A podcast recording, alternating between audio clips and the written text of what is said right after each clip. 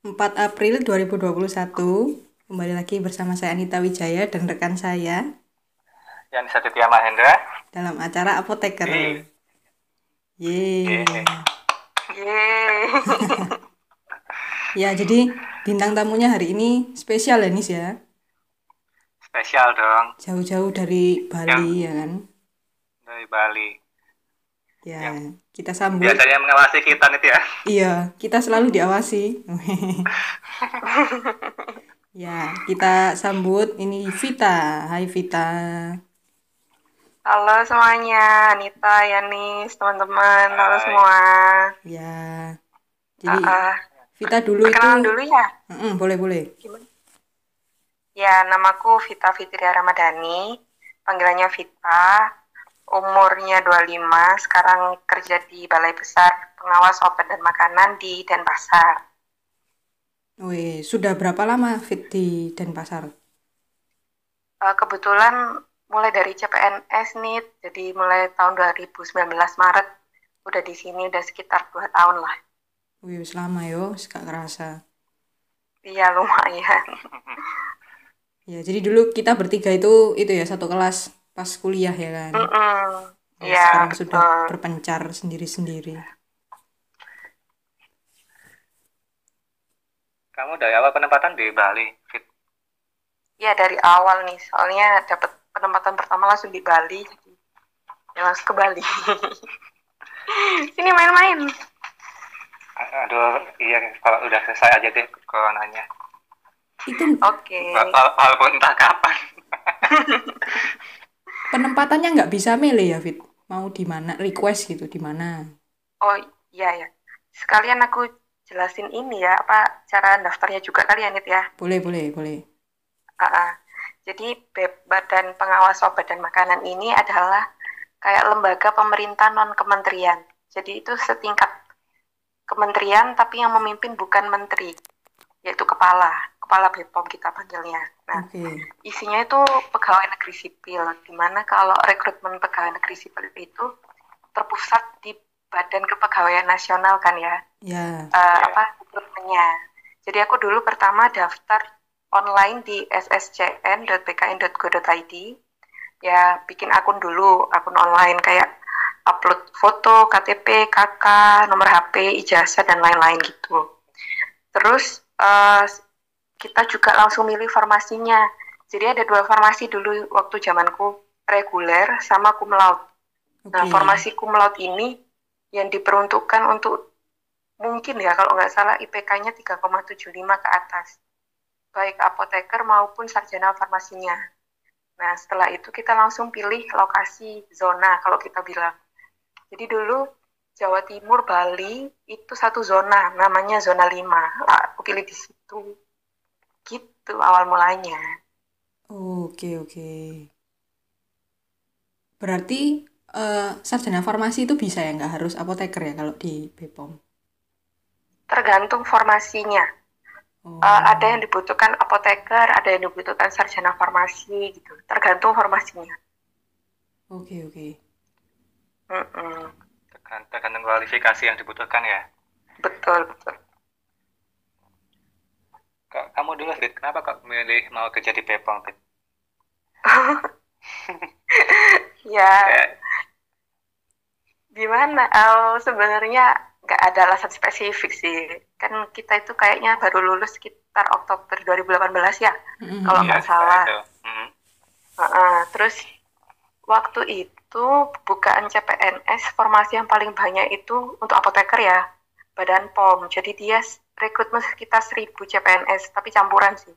Wih. Tapi yang paling banyak apoteker waktu itu. Kemenkes itu cuma ambil berapa gitu aja. Sama kalau Pemda takut banget soalnya saingannya kan banyak banget, formasinya sedikit. Iya, Jadi iya. ya memberanikan diri ikutlah ke BPOM. Selain itu juga kita dulu kan juga pernah praktek kerja profesi di BPOM. Mm-mm. Ya meskipun cuma beberapa hari.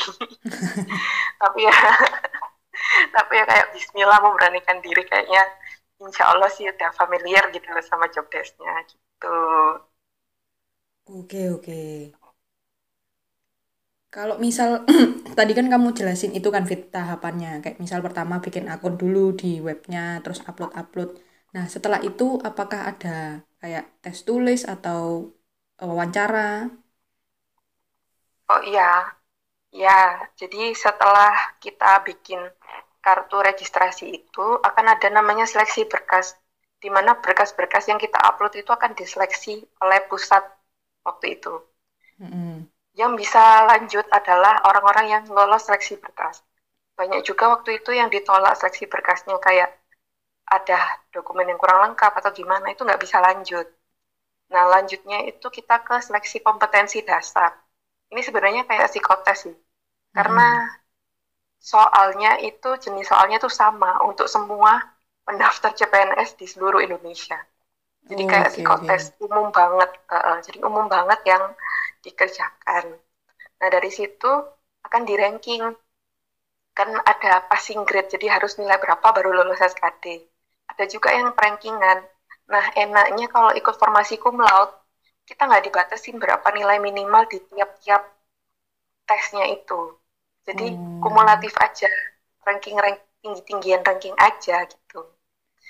Nah, itu enaknya kalau laude. Nah, setelah lulus dari seleksi kompetensi dasar, lanjut ke seleksi kompetensi bidang. Nah, di sini bukan psikotes lagi yang diujikan, tapi eh, apa namanya soal-soal kebidangan. Jadi kalau di BPOM 60% soal yang keluar farmasi. Oh, Gitu. Karena memang organisasi apa apoteker yang basisnya apoteker kan memang di BPOM gitu. Gitu. Terus lanjut wawancara, ada tes TOEFL, Wih, sudah terus diumumin gitu. Oh, cukup banyak ya tahapannya. Mm, Lumayan. Mm-mm. Jadi sekitar habis waktu dua bulan lah dari awal regis sampai ini pengumuman dua bulan. Oke, oke. It- itu wawancaranya one on one gitu, Fit.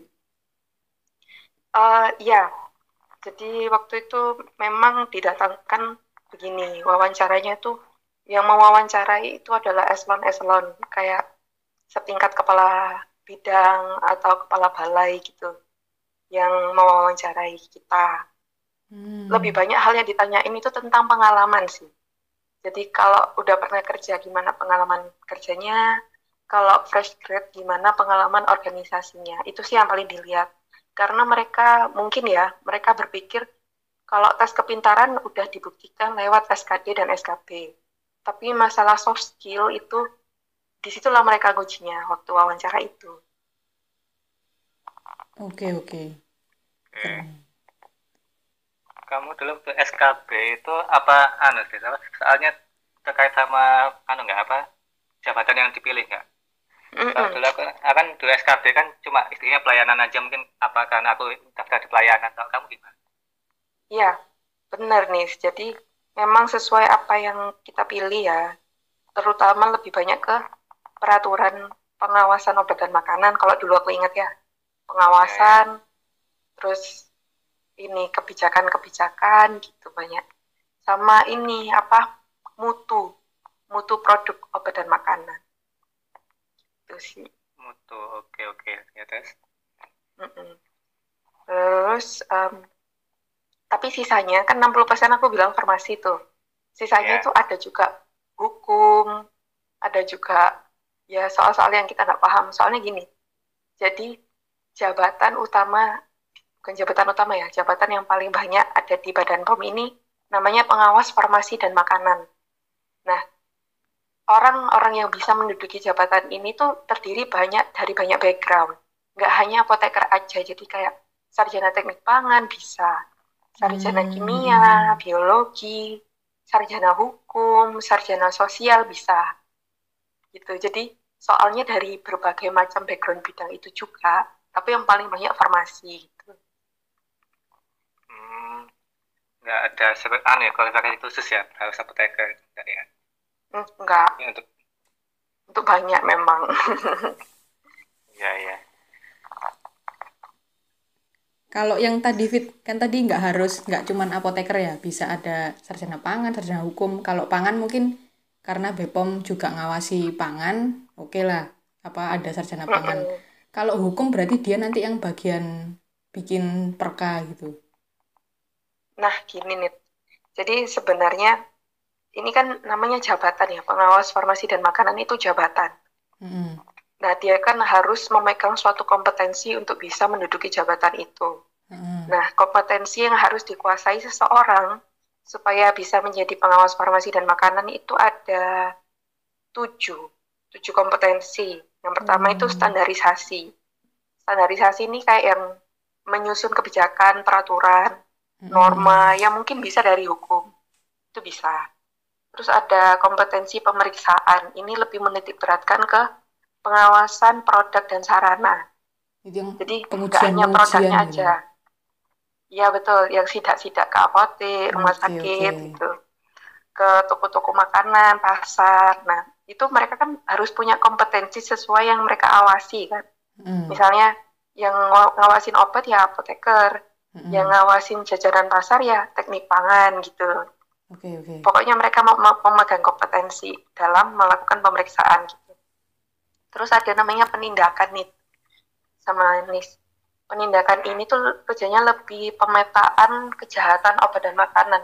Jadi kan kita tahu ya, pasti ada pelaku kejahatan obat dan makanan, misal menyelundupkan obat dan makanan yang ilegal, menambahkan bahan berbahaya, Oke oke. obat palsu. Nah, itu dia yang berurusan dengan hal-hal kriminal itu. Nah, itu lebih ke sarjana hukum sih, sama sarjana sosial. Oh iya. Terus iya. ada kompetensi lagi pengujian. Kayak aku, kebetulan aku di pengujian. Itu mengurusi tentang ya pengujian di lab, eh, beserta perintilan-perintilannya, misal akreditasi, validasi, verifikasi, terus ruang lingkup kemampuan lab ini bisa nguji apa aja gitu. Sama jaminan mutu hasil pengujian. Oke. Terus ada lagi namanya penilaian. Nah, penilaian ini ini yang mengurusi tentang kajian dokumen praregistrasi, dokumen registrasi. Jadi kalau mau daftarin obat baru, mau daftarin kosmetik, mau daftarin makanan gitu. Ke sini larinya. Ke fungsi penilaian. Ada juga eh, kompetensi pemantauan. Ah. Lalu penyuluhan. Kalau penyuluhan itu lebih kayak KIE kalau kita kuliah dulu. Jadi memberikan penyuluhan ke masyarakat, kayak gitu-gitulah, ke sekolah-sekolah. Oke oke. Banyak ya. Banyak. Terus ketika itu Fit, aku kepo. Ketika eh, daftar itu kamu memang udah pilih, oke aku mau pengujian atau ditentukan oleh BPOM-nya. Oh enggak, jadi kebetulan eh, gini nih, beda kalau kita daftar ke pusat sama ke zona. Jadi kan Hmm, waktu itu Jakarta dan BPOM pusat itu masuk zona satu ya. Jadi ya. kita itu bisa, kita cuma pilih zona sih. Penempatan itu nanti diacak. Jadi yang menempatkan kita ke bidang-bidang mana itu terserah unit kerja kita. Oke. Kebetulan di Denpasar itu, waktu itu apoteker harus masuk pengujian dulu. Waktu zamanku CPNS. Oh, Jadi ya mau nggak mau ke pengujian gitu. Ada di tempat lain yang langsung ke pemeriksaan. Ada yang juga langsung ke infokom gitu. Tergantung unit kerjanya masing-masing aja. tapi nanti bisa ganti berarti, bisa pindah bidang. Bisa, itu ya tergantung atasan juga. Oke.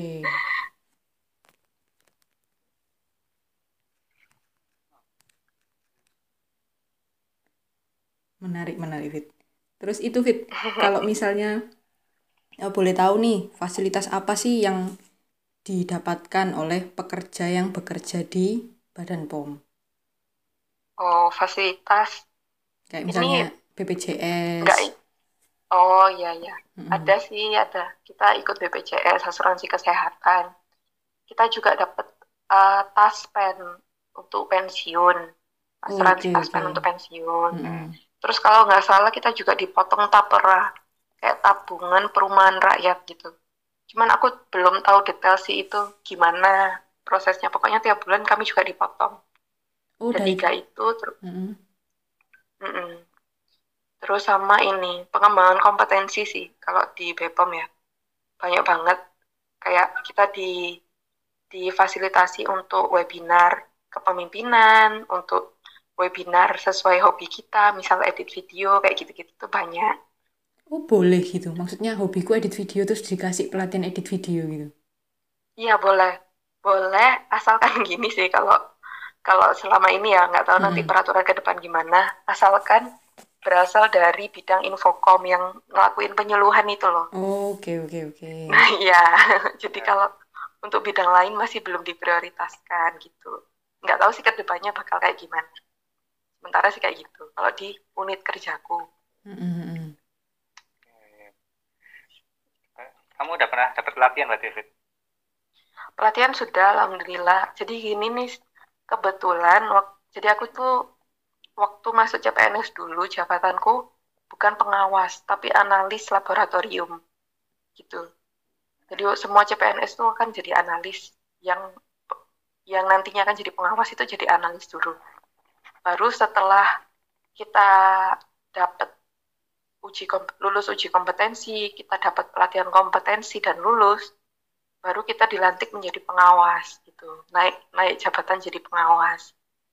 Dia udah pernah pelatihan sih. Ada uji kompetensinya lagi. Oh, banyak sekali. Itu kayak kayak OSC gitu David. Gimana? Kayak OSC gitu dah, praktek. Gimana nih? Kayak ujian kompetensinya itu kayak OSC, maksudnya praktikum. Atau teori doang. Enggak sih. Teori. Karena pengangkatan pertama. Karena gini, waktu dulu eh, kita direkrut itu nyarinya formasi pengawas, bukan analis gitu. Oke oke oke. Nah. Uh-uh, jadi kayak teori aja. Karena masih global juga kan, jadi aku juga belajar ketujuh fungsi pengawas farmasi dan makanan itu aku belajar semua. Meskipun ya kalau dihadapkan ke misalnya nih eh, standarisasi ya kurang-kurang kurang gimana ya, kurang kurang sefrekuensi juga, tapi ya ditelan aja gitu. Iya iya iya. Kayak gitu. Berarti kayak di spesialisasi lagi gitu ya. Betul. Nanti kita kan ada jenjangnya juga nih. Pengawas farmasi dan makanan itu ada jenjang pertama, muda, madya, utama. Nah, tiap mau naik jenjang itu akan diuji kompetensi lagi dan diberi pelatihan lagi gitu. Dan itu tergantung. Ada juga yang butuh praktek, ada ada yang hanya tertulis dan wawancara gitu. Tergantung. Banyak sekali ujiannya. Ih, banyak sekali. Ber- Berarti kalau mau jadi kepala badan POM, lama ya berarti. Waduh, itu agak rumit soalnya gini. eh jadi masuk aku masuk di BPOM ini, aku tuh kita punya ya nih ya kan kita ada golongan juga ada jabatan kan. Iya. Kalau golongan kita apoteker ini langsung 3B. tapi Itu setara S2 ya. Dianggap Iya, setara bisa. S2. dianggap tes dua. Wih, Betul. 3B. Nah, itu golongan. Ada yang namanya jabatannya kayak ini, pengawas. Kalau Yanis mungkin apoteker itu jabatannya. Nah, Iya. untuk mencapai ke kepala balai itu adalah eselon 2. Itu rata-rata pembina sudah. Hmm. Golongannya pembina. Empat berapa gitu. Kita masih Ah, kepala 3B. dinas ya. Betul. Kita masih 3B. Oke oke ada oke. 3C, ada 3D, baru 4A, 4B, sampai 4E gitu. Untuk Padahal naik naik ke ke Hmm. susah. untuk naik dari 3B ke 3C tadi itu apa harus studi S2 atau pengalamannya harus Enggak sih. berapa tahun? Eh, angka kredit, di tempatmu juga ada angka kredit nggak nih? Iya, sajiannya kalau kenaikan pangkat itu tergantung dari posisi sih. Kalau ada di struktural tuh otomatis tiap empat tahun. Kalau aku kan di fungsional agak Ah, nah, kayak gitu nih. Jadi itu Oh, beda. Bedanya, simpelnya itu kalau beda struktural sama fungsional, struktural itu punya anak buah, fungsional itu lebih ke kompetensi gitu. oke. Ya, ya ya, gitu ya Nis ya. ya fungsional tuh lebih ke yang turun di bawah kali ya. Yang ke Nah, lapangan. struktural yang di dinas itu. Iya iya. Mm-mm. Kayak gitu. Nah itu memang kalau golongan sih setahuku empat tahunan ya Nis ya. Jadi Iya. aku juga angka kredit juga tahun kerja juga gitu. Pokoknya kumpulin aja. Untuk memperoleh angka kredit itu kita dokumentasikan kerjaan-kerjaan kita setahun. Nanti dihitung dapat berapa. Tapi normalnya sih naik itu empat tahun. Iya, Normalnya. sama 4 tahun. Soalnya kalau walaupun angkanya udah cukup tapi tahunnya belum cukup ya nggak bisa naik. Mm-mm, betul. Oh iya iya iya. Berarti nggak harus studi S2, S3, nggak wajib. Enggak. Mm. Tapi itu bisa jadi nilai plus ya, Nis. Soalnya ijazah kan dihitung berapa Iya. banyak kan ya angka kreditnya ya. besar nilainya ijazah Mm-mm. itu. Oke. Terutama kalau linear. Iya. Bisa membantu juga sih. Tapi S2 itu kan rata-rata gini, lihat-lihat juga sih kita kayak ketika beban kerjaan di kantor masih banyak dan belum ada tenaga yang baru ya kita pasti agak digandoli untuk S2 gitu. Jadi lihat-lihat kesempatan juga rezeki juga. Oke. Iya. Takutnya nanti udah S2 gak diakui. itu kita. lah, ya pakai tubel dong. Kalau cuma itu nggak kurang kuat sih. Iya. Terus kamu di aduh ini agak sensitif sih. Kalau di kalau di Bepom kamu take home pay berapa? langsung tembak langsung tembak aja. Kok saya kalau nggak kalau apa kan udah sama satu nasional. Iya. Eh, iya sih kalau kalau gaji itu Tapi berdasarkan kalau- golongan. Iya. Ada Gimana nih? ya. Oh, oh. Ada. Tapi kalau mungkin terlalu sensitif tidak jawab juga tidak apa-apa. Oh, nggak Iya. apa-apa. Kan ini tujuannya untuk memberi sharing pengalaman toh. Atau nggak usah nominalnya nggak apa-apa Fit. Iya. Misalnya Kisah mungkin anu kisaran atau gimana ya? gaji pokok plus tunjangan, ada tunjangan, Iya, terus aja. ada pensiun, Up. ada apa. Hmm. Iya, iya. Jadi kalau di Bepom itu ada gaji pokok itu kan satu nasional sama tergantung golongan. Di KP itu sekitar 2,6. Kalau nggak salah ya nih ya pertama kita masuk itu. Iya. Pengalaman makna? 0 tahun. Mm-mm. Pengalaman 0 tahun 2,6. Tapi waktu CPNS dapatnya cuma 80%. Nah, waktu PNS dapat 100%. Terus ada namanya kenaikan gaji berkala setiap 2 tahun sekali. Itu naiknya mungkin sekitar 100 ribuan lah. Kurang lebih 100 ribuan gitu. Iya. Terus ah, kebetulan aku ada juga namanya tunjangan tunjangan jabatan. Karena aku udah jadi pengawas, ada namanya tunjangan jabatan. Itu melekat pada gaji sih, kalau aku terima. Ada lagi tunjangan kinerja. Itu berdasarkan kinerjaku. Nah, kalau di Badan POM itu kebetulan eh, ada dibagi grade-grade gitu loh. Dan pengawas farmasi itu kebetulan grade 8. Kalau kepo cari aja peraturannya ada kok. Mm, mm, mm, mm. Tunjangan kinerja Badan POM ada. Oke, oke. ya gitu sih. Kalau Yanis gimana? Kalau di tempatmu gimana nih? Kalau di aku sih ya kurang lebih sama ya kan Kak yang tadi tunjangan oh gaji pokok sama nasional ya. Terus Mm-mm. untuk untuk tunjangan apa tunjangan fungsional karena aku sebelum belum fungsional jadi belum dapat. Oh gitu. Loh, kamu apa, Nis? Aku kenapa nih? Kamu apa nih? Kamu apa? Kamu apa kalau- Kamu berarti kamu bukan fungsional terus kamu apa? Masih dianggap kayak umum gitu lah, belum fungsional tertentu. Oh, fungsional umum. ya. Kayak kayak eh, fungsional umum. Ter- Terus kalau yang lain mungkin karena belum di pelayanan dapat jasa pelayanan ya dari BPJS, dari JKR. Nah, mm-mm, Terus la- la- lainnya ya tunjangan-tunjangan yang kita dapat juga tunjangan beras, tunjangan apa, tunjangan apa gitu lah. Kalau TPP saya tidak mendapatkan. TPP itu apa? Intinya tambahan penghasilan apa lupa lupa panjangannya. Sama sama kayak tukin. Tapi itu Oh gitu. dapat- yang dapat orang dinas, nggak yang di puskesmas nggak dapat. Oh gitu, ya ya. Itu tergantung dari kebijakan Pemda sih sebenarnya ya. Buat Betul. Heeh. Heeh. orang itu ya. Iya, Jadi tergantung ya, anggaran. kemampuan daerah gitu gitulah.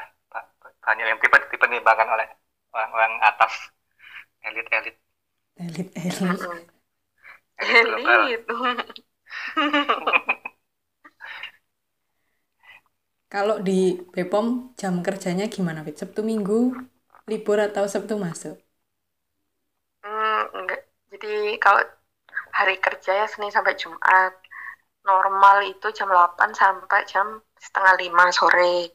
Kalau Jumat itu jam 8 sampai jam 4. Tapi ini tuh bisa fleksibel ya, nih. Itu kalau di Denpasar. Ada nih di Kupang itu masuknya setengah 8. Ya pulangnya jam 4 kayak gitu lah. Pokoknya sehari itu 8 setengah jam aja. Satu minggu libur gitu.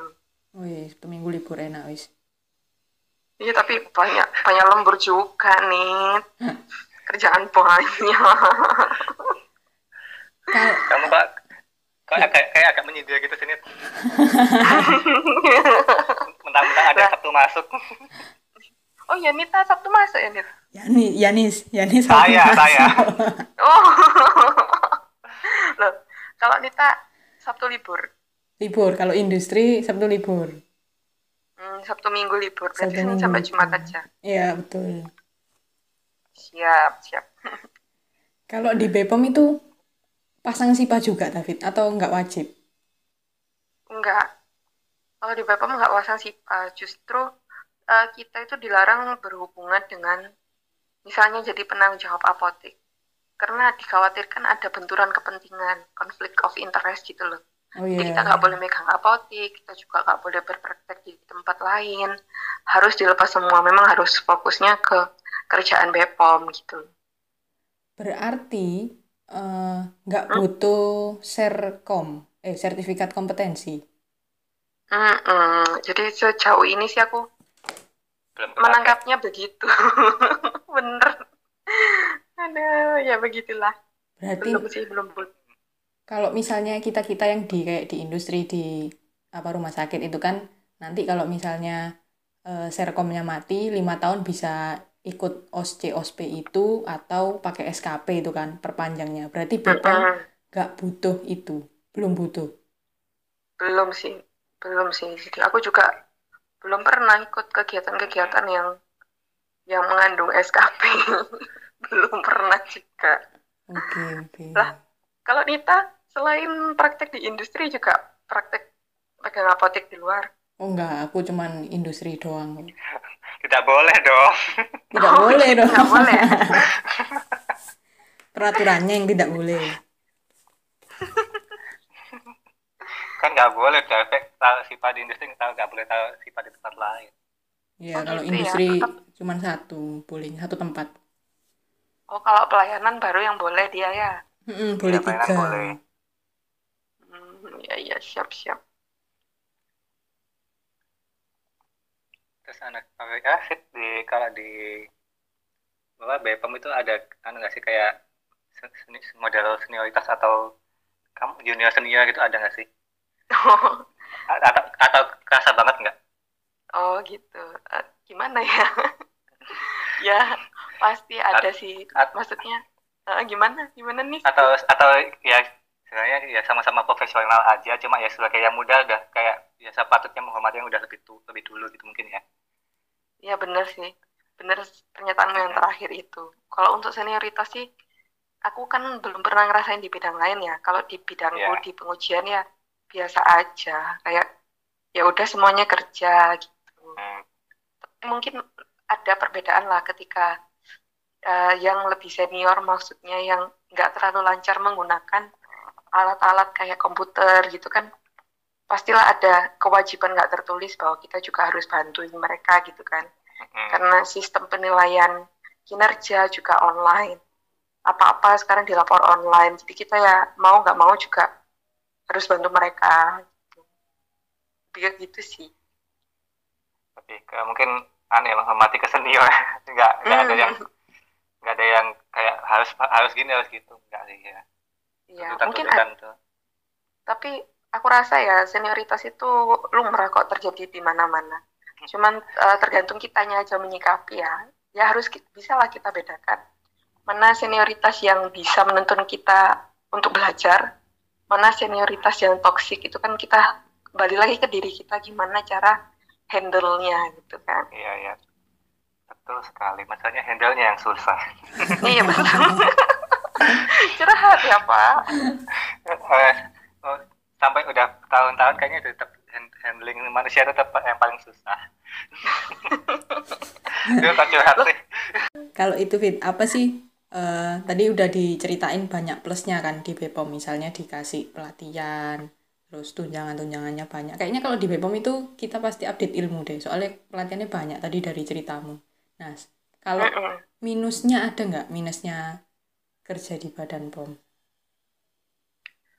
Aku pikir bukan minus ya, lebih ke gimana ya.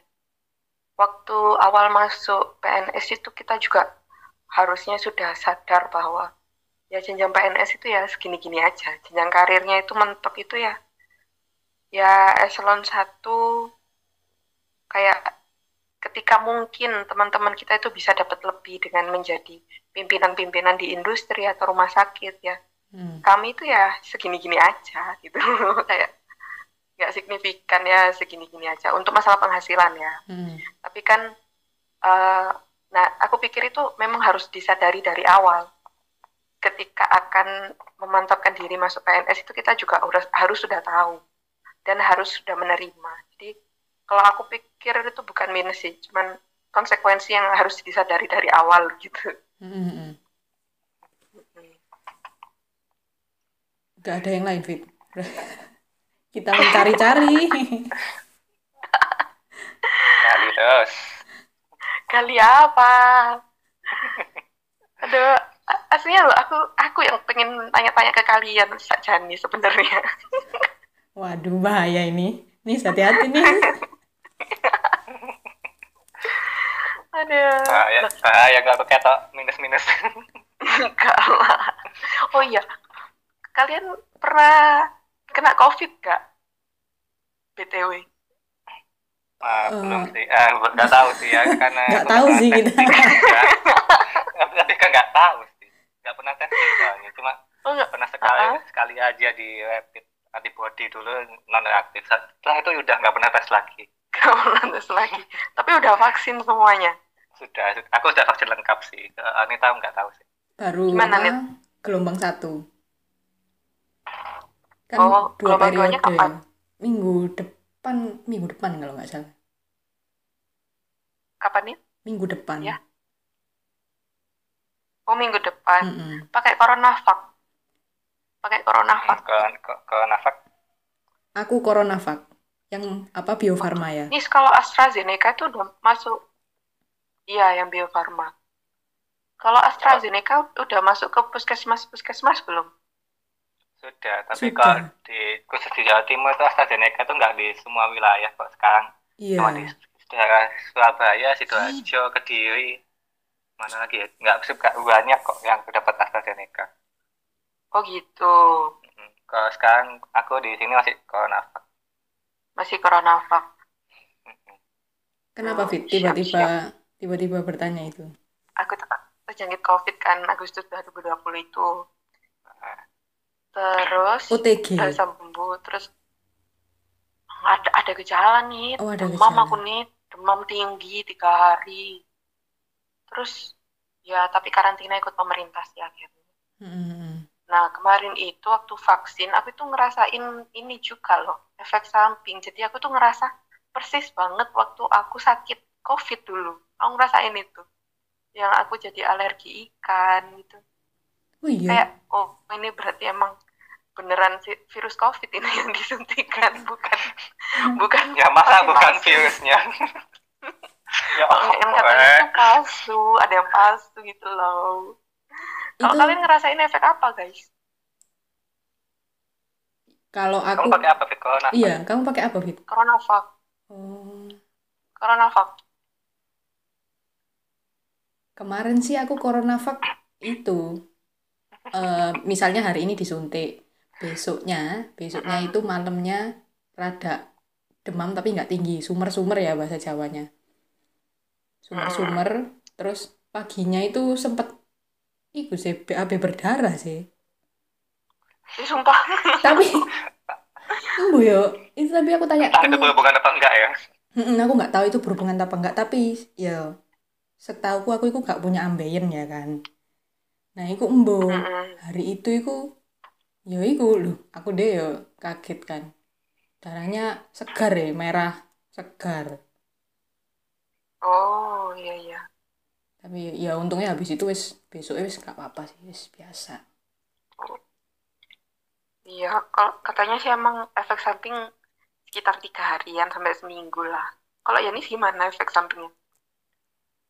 Kalau aku Tidak merasa tidak merasakan apa-apa, apa caranya dengan ke aku palsu. air WFI Ayo, ayo, dapat beras. Aneh sih, Ah, cum- cuman nyeri di lokasi suntik sih, tapi kayaknya itu lebih ke karena po- posisi suntik aja sih, nggak bukan karena vaksinnya. iya ya bener sih. Aku yang pertama kali suntik itu karena santuy ya, nyuntiknya aku kan pasien terakhir. Itu tuh nggak nggak sakit lengannya.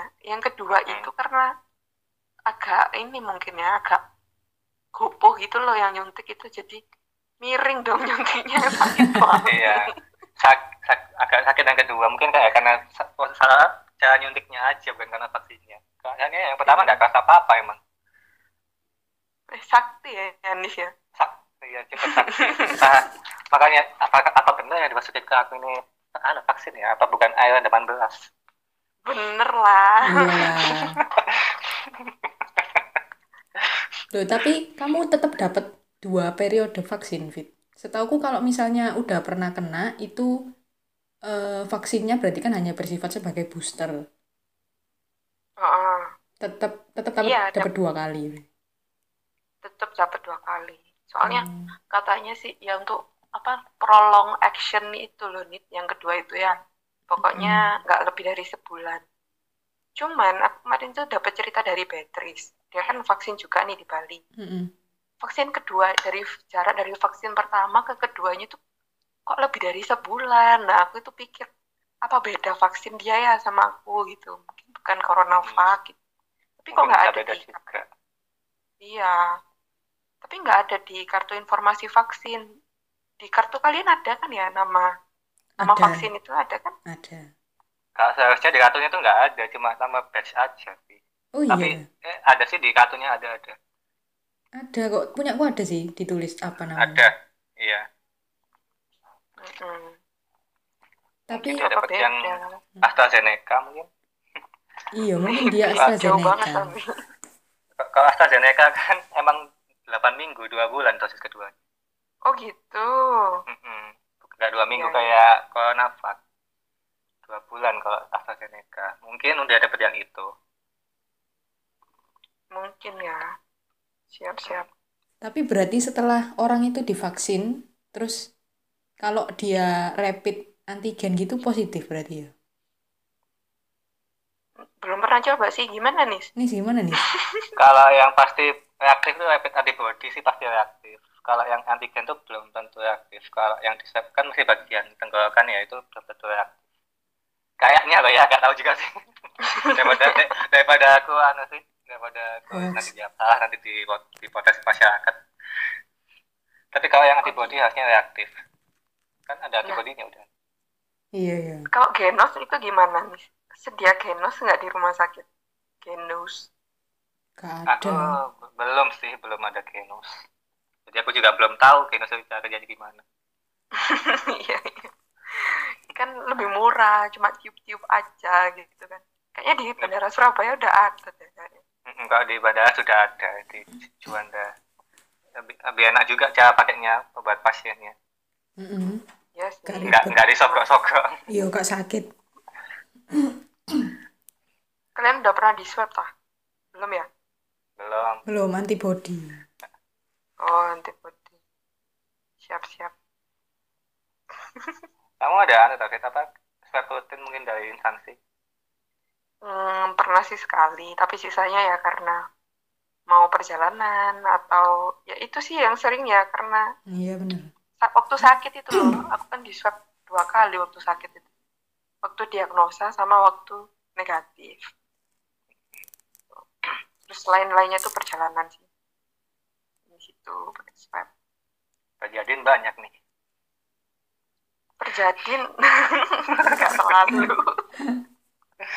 Maksudnya itu swab kalau mau pulang itu loh. Oh, tak kira, tak kira terjadi banyak, Bu.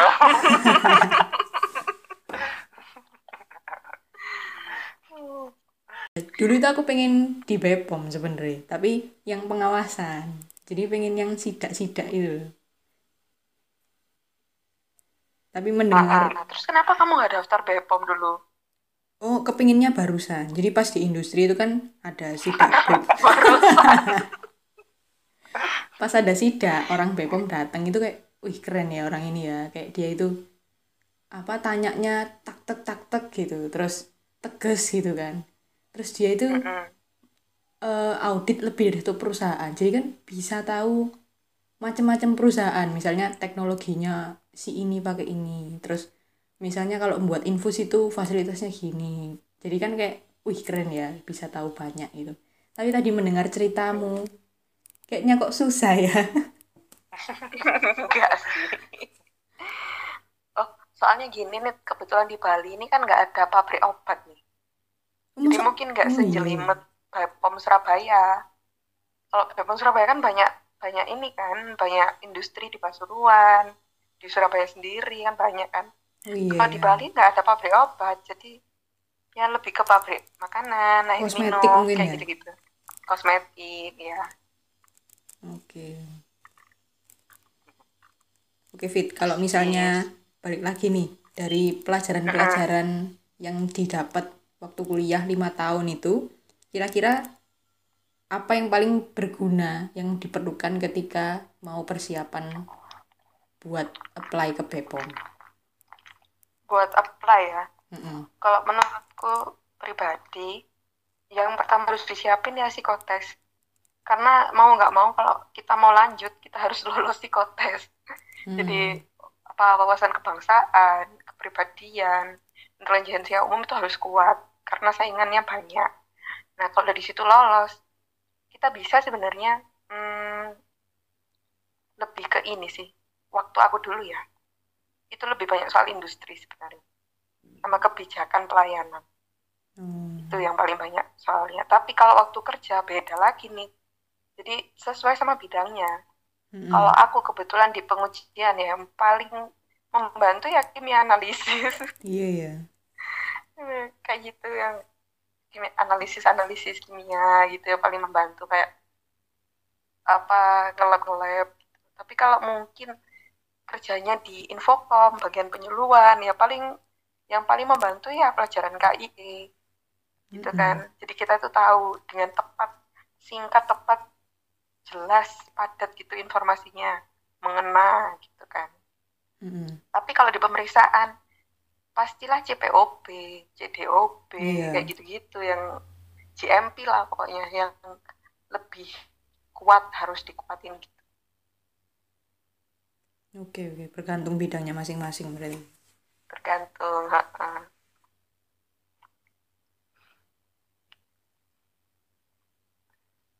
Kamu selama kerja di Bepom ada nggak cerita-cerita yang lucu atau menarik selama kerja di sana?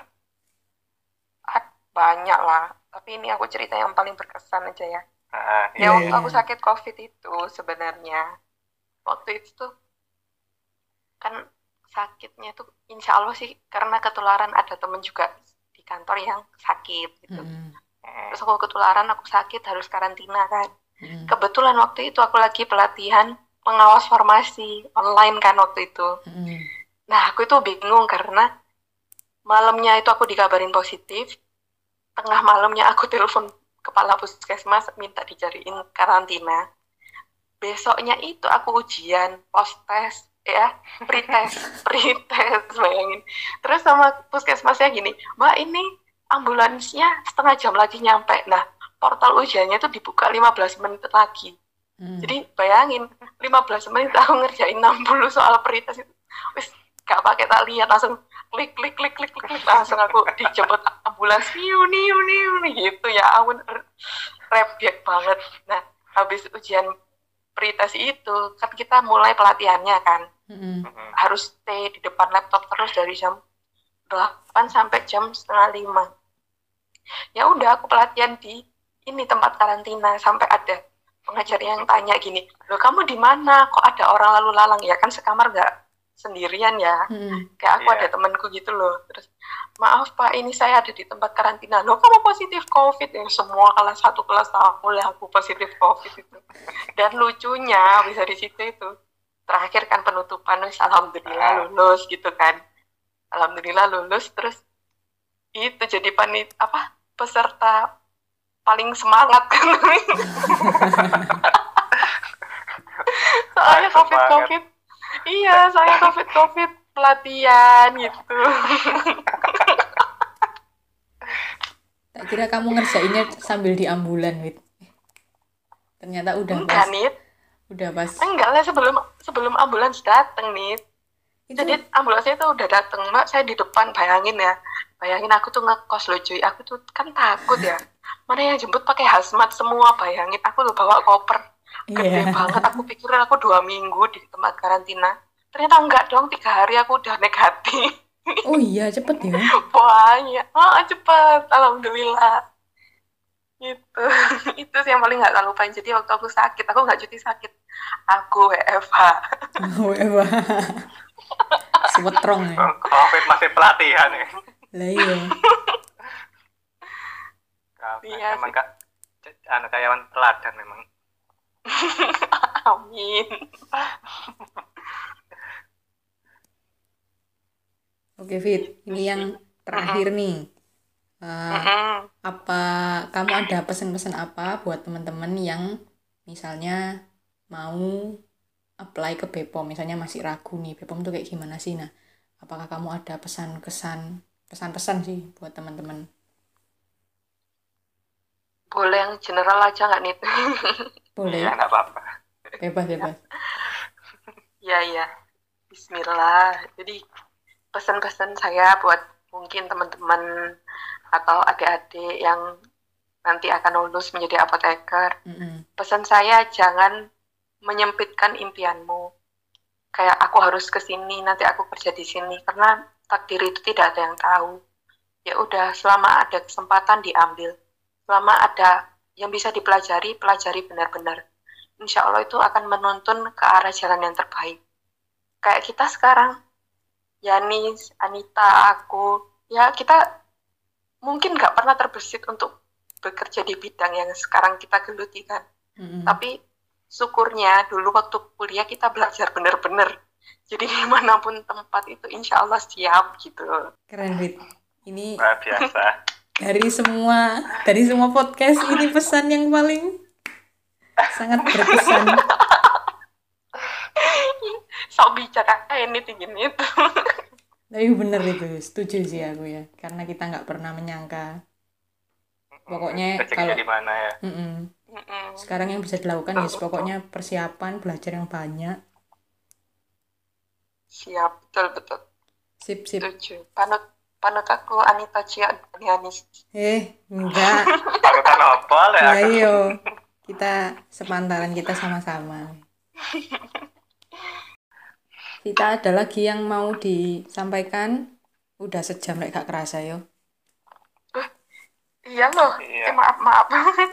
Nggak sih Nit ya. Cuma pesannya buat kalian sukses terus ya guys. Semoga kita semua bisa sukses saling membantu di masa depan. Amin. Tetap semangat Eh, Amin. apoteker jaya jaya jaya terus jangan lupa ajak ajak aku collab lagi atau terima ya kalau aku ajak kalian collab lagi. Iya iya. sip gitu. Ya ya siap siap pak. Siap siap. Kita mah siap aja sip. Yanis Yanis ada pesan? Enggak sih ini udah cukup. Udah Hari ini. cukup. Oke thank you Vita. Terima kasih banyak ya, terima kasih kita Sharingnya. waktunya ya. Ya Sharingnya sama-sama Nita Yanis see you. Ya thank you thank you. Ya see you